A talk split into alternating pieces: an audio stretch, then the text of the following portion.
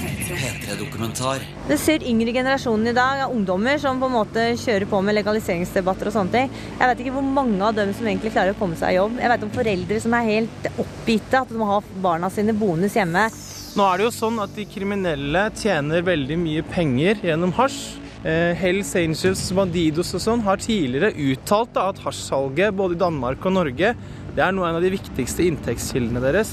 Hvis den legaliseringa kommer, da vil eh, alt rett og slett eh, hardt og brutalt gå til helvete. Fire nyanser hasj. Hei, Leo. Hva var det du skulle kalle han? Fortell meg. Er fire nyanser hasj, eksempel? Men Hva mener du med fire nyanser hasj? Hasj kommer i 100 000 nyanser, mann. For det er et produkt som kommer ut av marihuana eller pott. Og det blir smålig litt sånn ignorant å kalle det og putte alle under samme bås. Hva skal jeg kalle den, da?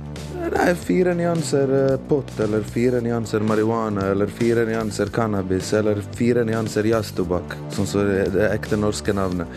Ok, Fire nyanser cannabis er en P3-dokumentar om legalisering av meg, Vebjørn S. Espeland. Jeg bodde sammen med noen folk som, eh, som røykte ganske jevnlig. Så var det en dag hvor jeg mista bankkortet mitt faktisk på bussen på vei til, til et sted her i Oslo. Eh, Jeg kommer hjem og jeg var jævlig forbanna. Så sa han ene kompisen jeg vet om noe som hjelper mot nettopp det du føler nå, og det er denne her. Så holdt han opp en eh, joint med marihuana foran meg, og så tenkte jeg fuck, nei, vet du hva, nå bare gjør jeg det. Han spurte ja, kjenner du noe, kjenner han? Jeg bare nei, kjenner ingenting, dette er ikke noe for meg. Men så bare bang, kjente jeg det, og da eh, svevde jeg rundt, rundt omkring i leiligheten. Det var, det var jo en helt eh, eh, snål opplevelse, altså. Jeg har aldri følt det verken eh, før eller etter, egentlig. Det var på en måte som det var revet ned en, eh, en vegg mellom meg og uh, THC-en, da, for å si det sånn. Etter hvert var det THC-en som skulle rive ned noen vegger i skallen til Martin. Ja, nå er vi langs Akerselva. Er det dette som er eika, vet dere det? Den store eika som alle har snakka om i alle år når det gjelder hasjsalg.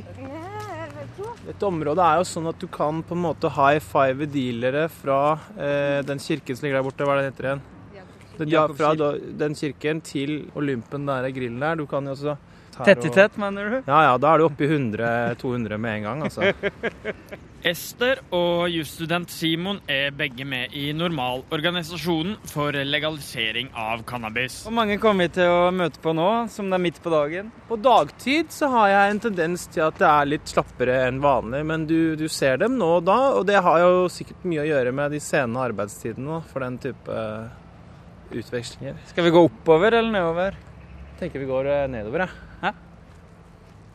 Det var jo eh, si ha det til samboer som går på jobb, og, eh, og så ta da og rulle opp en eh, joint, og så røyke den, spise frokost. For min del så ble det veldig mye utsetting av planer. Gå seg en tur, røyke litt mer, eh, kanskje prøve å søke en jobb eller to. Eh, røyke mer. Eh, passe på at det ikke var veldig høy når kjæresten min kom hjem, for jeg, jeg holdt dette skjult, da. Eller trodde jeg holdt det skjult, men det ble jo så mye etter hvert at jeg kunne røyke, eller merke at folk ikke egentlig merka på meg at jeg røyka. Og da røyke igjen når hun hadde lagt seg, da. Vi hadde en sånn ovn på den tida, så jeg kunne bare sitte og røyke inn i eh, døråpninga på ovnen. Hvor mye tenkte du på da? Altså, for eksempel i påska så skulle vi male påskeegg hele familien og rødvin og i glasset, og alt var hyggelig. Og så jeg stikker ut og sier jeg skal ut og hente posten, liksom. Og så en kjapp liten, et, et kjapt lite trekk eller tre av en, en joint, og så inn da og, og smile eh, litt skjevt. og fortsette å, å lage veldig kreative påskeegg. Mamma var alltid veldig imponert over mine påskeegg. Men eh, jo, eh, jeg tenkte på det omtrent hele tida, altså. Det må jeg si.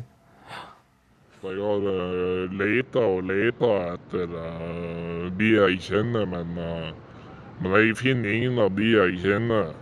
Jeg hadde åt i øret når jeg kom hit. Kjell selger tjall, og han gir oss én av fire nyanser brunt eller grønt, altså fire nyanser cannabis i en debatt som gjerne er alt annet enn nyansert. Blant annet så har vi en justisminister som er som snytt ut av statlige opplysningskampanjer på 80-90-tallet. Veldig få som i dag bruker heroin som ikke først begynte med hasj. Det er helt avgjørende at vi opplyser ungdommene våre om hvor galt det kan ende hvis man begynner med hasj eller marihuana. Men hvorfor er det en prinsipiell forskjell på alkohol og, og cannabis, da? For det ene er narkotika, og det andre er ikke narkotika. Eller sagt på en annen måte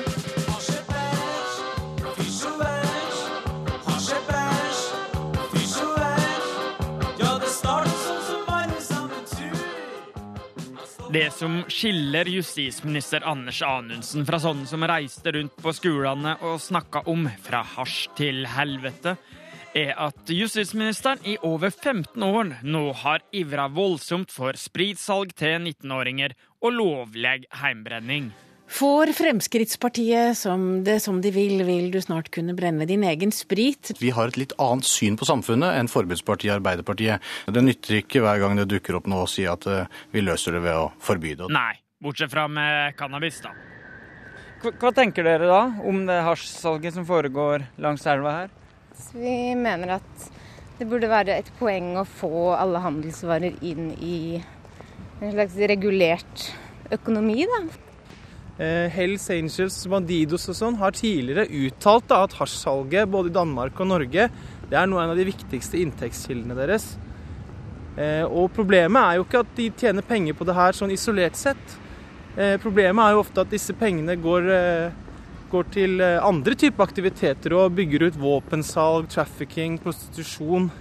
Ting som har et enda som i mye større grad går ut over tredjepart. Jeg veit ikke om legalisering av cannabis er det rette. Det jeg veit, er at fjerne folk sjelden slåss, og at folk som drikker sprit, ofte slåss. Jeg veit at jusprofessor Johs Andenes kalte norsk narkotikalovgivning for århundrets største feilinvestering i straff. Og jeg veit at rusprofessor David Nutt har rangert alkohol som nesten fire ganger så skadelig som hasj. Kjenn aroma, du kommer i koma. Nå først kan du leve, nå først kan du sveve. Samtidig veit jeg at av alle vennene mine som drikker regelmessig, og det er stort sett alle, så veit jeg ikke om noen som har fått ødelagt livet til nå. Mens av mine atskillig færre kompiser som eh, har røyka hasj hyppig, så har minst fire forsvunnet. Ut av det sosiale livet og inn i psykiatrien. For godt. Eller ut av livet. For godt. Etter å ha leita rundt på nettet etter folk som kan hjelpe meg nærmere et svar, så finner jeg en gammel kjenning på nettsidene til Interesseorganisasjonen for tidligere rusmisbrukere. Ja, hei. hei. Hallo. Vebjørn. Hei, hei. Hy- Hyggelig. Naboen. Naboen. Rampete naboen, da. Heidi hun bodde to etasjer under meg da jeg flytta til Oslo. Da var hun pen. Hun viser meg eh, bilder av ei søt jente med godt spraya 90-tallslugg. Der, vet du. Med mørkt hår, da. Ja, ja, ja. Og Poco-Loco-genser Ja, ja. med tre stjerner på. Der var jeg vel en 13 år, tenker jeg. Det var jo liksom i det der momentet der det begynte. Ja. Mm. Og hettegenser. Og hettegenser, og så, var de, og så vanka vi på Oslo City og Glasshusbarna og, og røyka en femmer om dagen og gikk rundt og ja. Ja, da satt vi over bøtter og tjobanger og Så, så du var 13 år, og så hang du på Oslo City. og Hvordan så en vanlig dag ut da? Skulka du skolen da? Da skulka vi skolen, og da hang vi der nede. Og da fløy vi rundt i gjenger og, og ute om natta og rana folk og Har du vært med på å rane folk?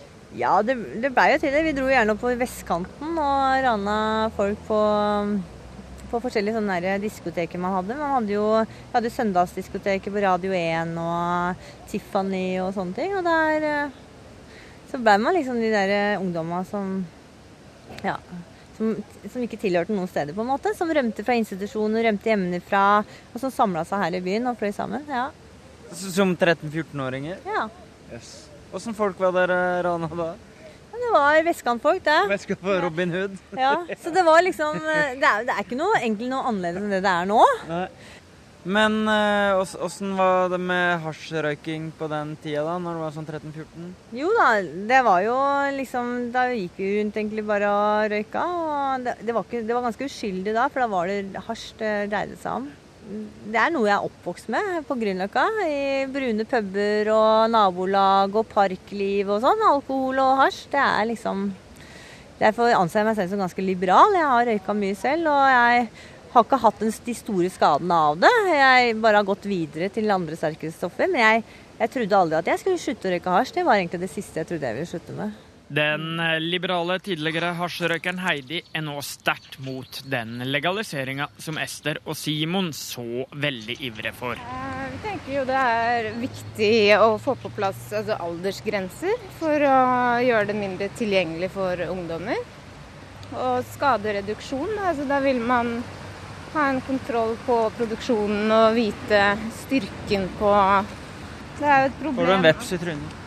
Så, eh, det er et problem at eh, det dyrkes fram sterkere og sterkere cannabistyper. For da mamma og pappa var unge, da hasjen kom til Norge på 60-tallet, og marihuana var et nytt ord for NRKs reportere, Hvor mange kilo marihuana skal i år gå opp i røyk, både når det gjelder de mildere narkotika, som marihuana, På den tida, da tollvesenet påstod de ville ta kvart gram narkotika som eventuelt kom til Norge, da lå gjerne THC-nivået, altså det som gjør deg fjern, på 1-5 I dag så ligger det samme gjerne på 15-20 Eh, Den sterkeste hasjen som har blitt beslaglagt i Nederland, det var noe som het nederhasj, og den lå på et THC-nivå på 50 Ja, så det øker jo faren for eh, psykiske problemer, psykoser, sånne type ting. Da. Det gjør også den syntetiske cannabisen, som har ført til flere dødsfall i det siste.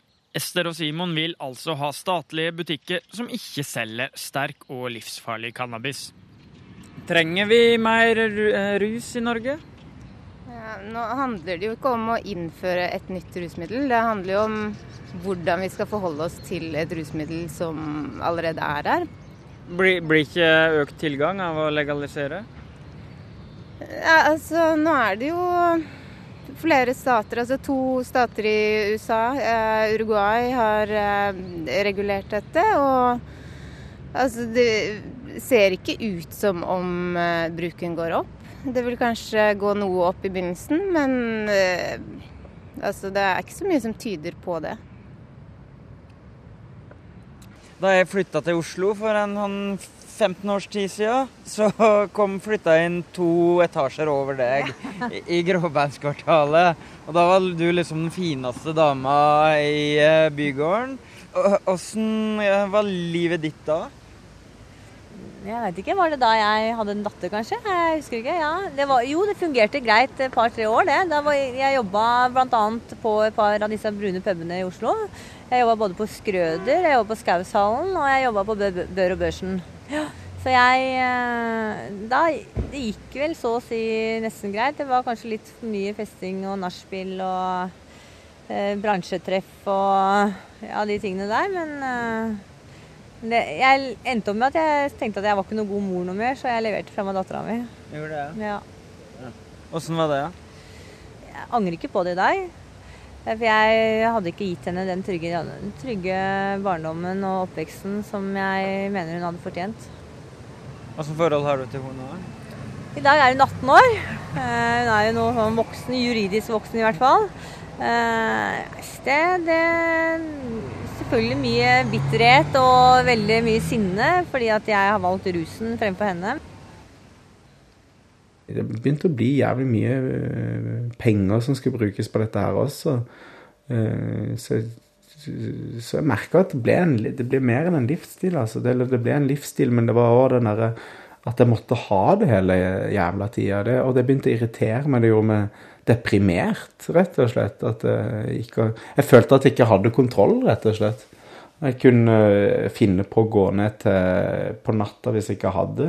Stakk jeg ned til elva, selv om jeg visste at liksom at, øh, at det du får tak i der, det er jo bare piss, liksom. Eh, Spørsmålet blir jo da om Martin eller røykevennene mine som forsvant, hadde klart seg bedre dersom de kunne røyke fritt ute blant folk opp av de dunkelt belyste sokkelleilighetene sine. Det som vi har sett, altså mange har kommet i kontakt med oss fordi at de har blitt tatt for å røyke cannabis. Um, og da blir de stemplet som kriminelle, eh, og de blir eh, på en måte dyttet ut av samfunnet og inn i et miljø hvor det da er også andre tyngre rusmidler. Eh, så vi mener at det også er en forbudskonsekvens, da. Som er ganske uheldig. En som definitivt er kriminell og pleier kontakt med tyngre miljøer, det er Kjell. Som selger tjall. Vi har avtalt gjennom ei shady nettside å møtes nær Oslo S. Han er svett i panna, litt kroka i ryggen, og med en hudfarge som ikke røper at vi er midt inne i tidenes sommer. Kjell har en elendig og stressende dag. Jeg har uh, og leita etter uh, de jeg kjenner, men, uh, men, jeg finner ingen av de jeg kjenner. Og, uh, og ingen av dem har så de har ikke akkurat økonomi, dem heller. Så det går litt, eh, litt trått akkurat nå. Kjell mista kontakten med familien da han var sju, og ble kasta ut fra fosterhjemmet da han var 16. Nå er han 19 og et halvt. Sola skinner, men framtida, den er ganske mørk. Jeg hadde 80 øre når jeg kom hit. Da ber du rett og slett bare om å låne, låne av noen og så eh, selger du det, og så leverer du tilbake pengene, og så, så får du maks profit ut ifra det. Og på den måten så klarer du å bygge deg oppover. Jeg ber han rangere jobben sin på en skala fra én til ti. Nei, den, uh, den ligger jo lavt. Den gjør det, altså. Den uh, Jeg vet ikke helt. Det er en drittjobb. Det er det. Uh, jeg har uh, prøvd å søke på utallige jobber. Jeg prøver fremdeles å søke på jobber, men jeg får avslag, avslag, avslag hele tida uten noe spesiell begrunnelse. Jeg kunne tenkt meg å jobbe med absolutt alt. Bare jeg tjener penger på det. Jeg har lyst til å, har lyst til å leve et uh, helt vanlig liv der jeg slipper å springe rundt som en idiot i gatene her. Men hvis den legaliseringa kommer, da vil alt rett og slett hardt og brutalt gå til helvete.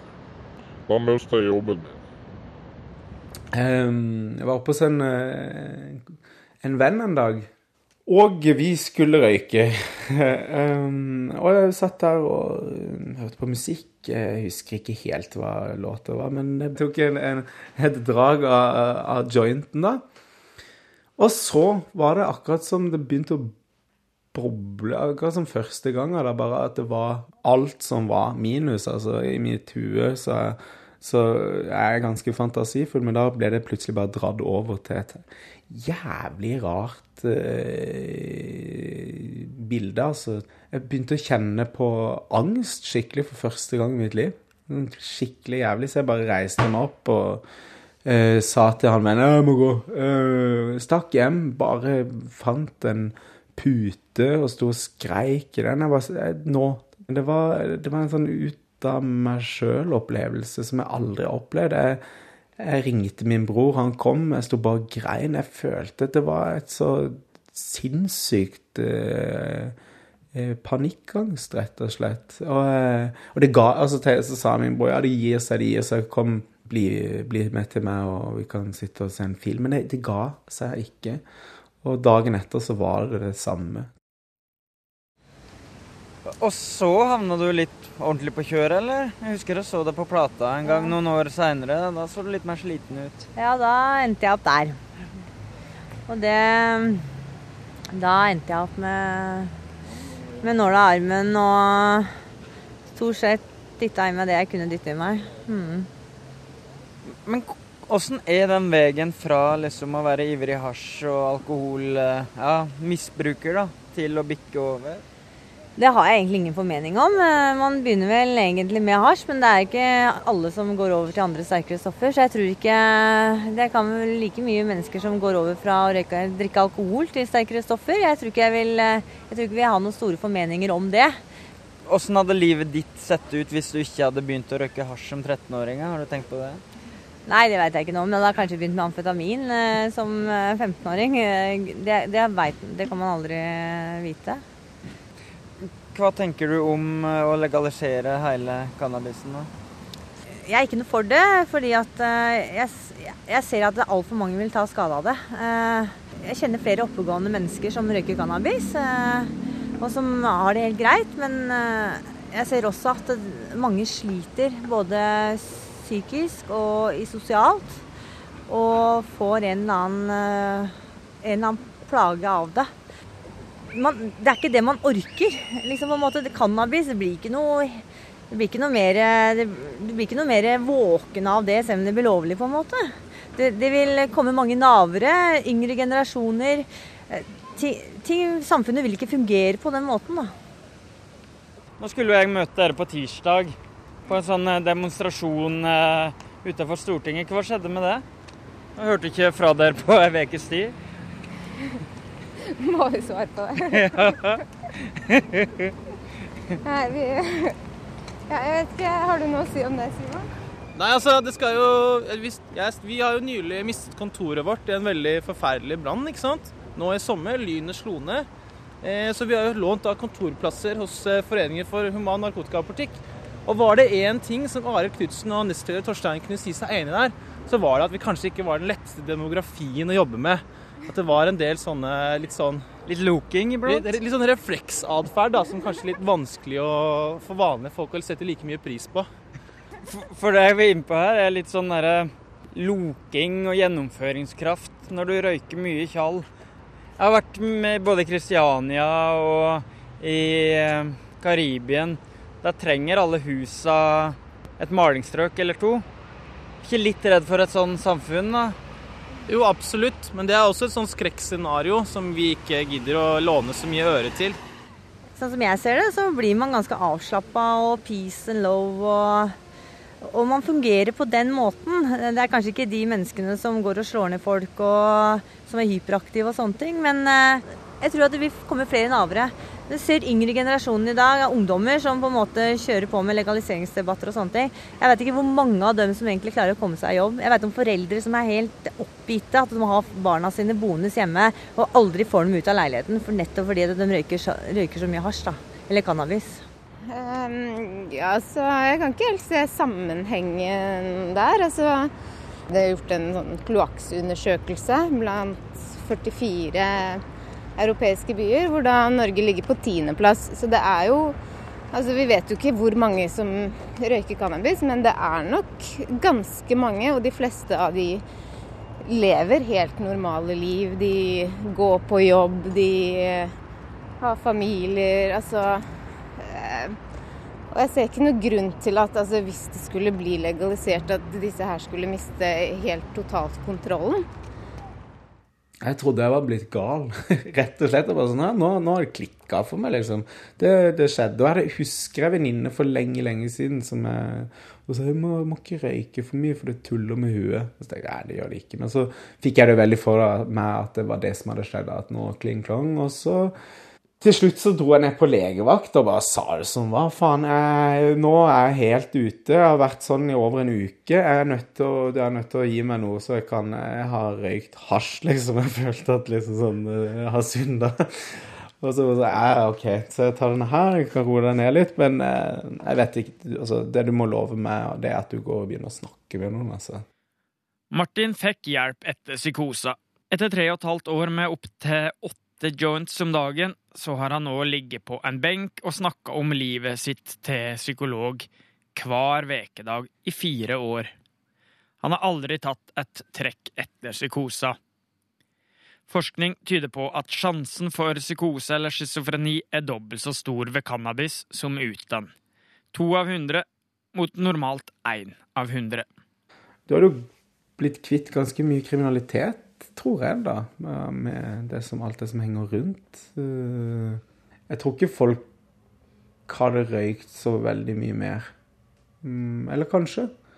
Men eh, det er jo veldig Nå er det jo ulovlig, da, så det er jo litt sånn spenning og tror jeg mange trekkes imot mot det også, da. Jeg syns jo at det finnes uh, større problemer, iallfall i denne byen, uh, for, som man kan ta tak i, enn at folk sitter og tar seg en joint, liksom. Jeg tror det at uh, hvis, du snakker, hvis, du møter mennesker eller ungdommer på gata og spør de hvorfor de ikke har røyka hasj, eller hvorfor de ikke bruker narkotika, så er det fordi det ikke er lov. Og det, og det tror jeg at norsk narkotikapolitikk fungerer på mange måter. Du tror det? Ja, det tror jeg nettopp pga. det. Du har jo vært eh, narkotikaavhengig sjøl. Funka ikke for deg, da? Nei, fordi at jeg var den av den gruppa som falt i ro ved at jeg rusa meg. Pga.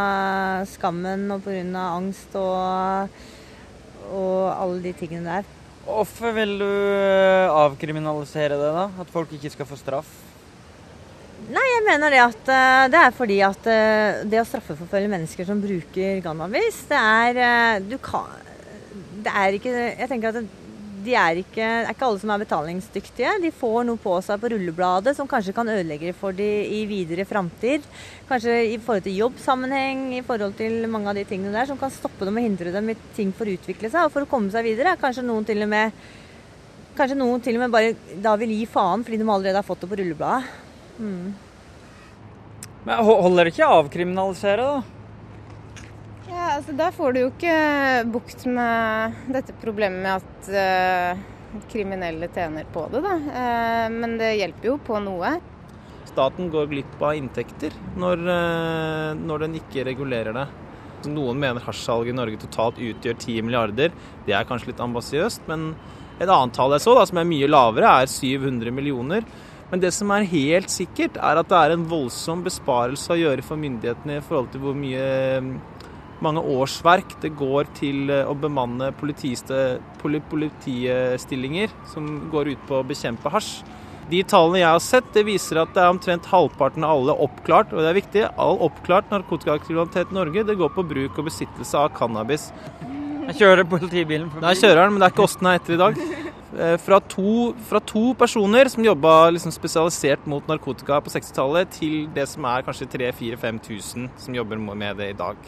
Og det er jo selvfølgelig, De vil jo gjerne forsvare sin, det de mener er en legitim interesse, at vi skal fortsette med dette viktige samfunnsarbeidet og demme opp mot narkotikaen. Men vi har ingen indisier på at deres innsats har den effekten som de selv definerer at det skal ha. Nå er vi på enden av Akerselva. Ja. Fikk vi se noe salg, da? Nei, jeg så ikke Dessverre. Ja, dårlig. Ja, det er en sånn liten del av det vi driver med. Si. Enk enklere å få det i butikken. Men på vei tilbake til jobben opp Akerselva, så ser jeg en litt møkkete kar i gul T-skjorte som dukker opp på andre sida av elva. Og han graver i elvekanten under brua. Finner du noe? Der ligger det en telefon da, midt i elva. Men det er ikke din. Nei. Det er vanlig å grave ned hasj her. Men hva er ingenting nå?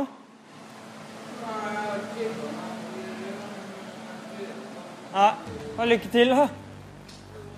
Her, da. Det var bomtur i dag for han, stakkars. Eller heldiggris, alt ettersom.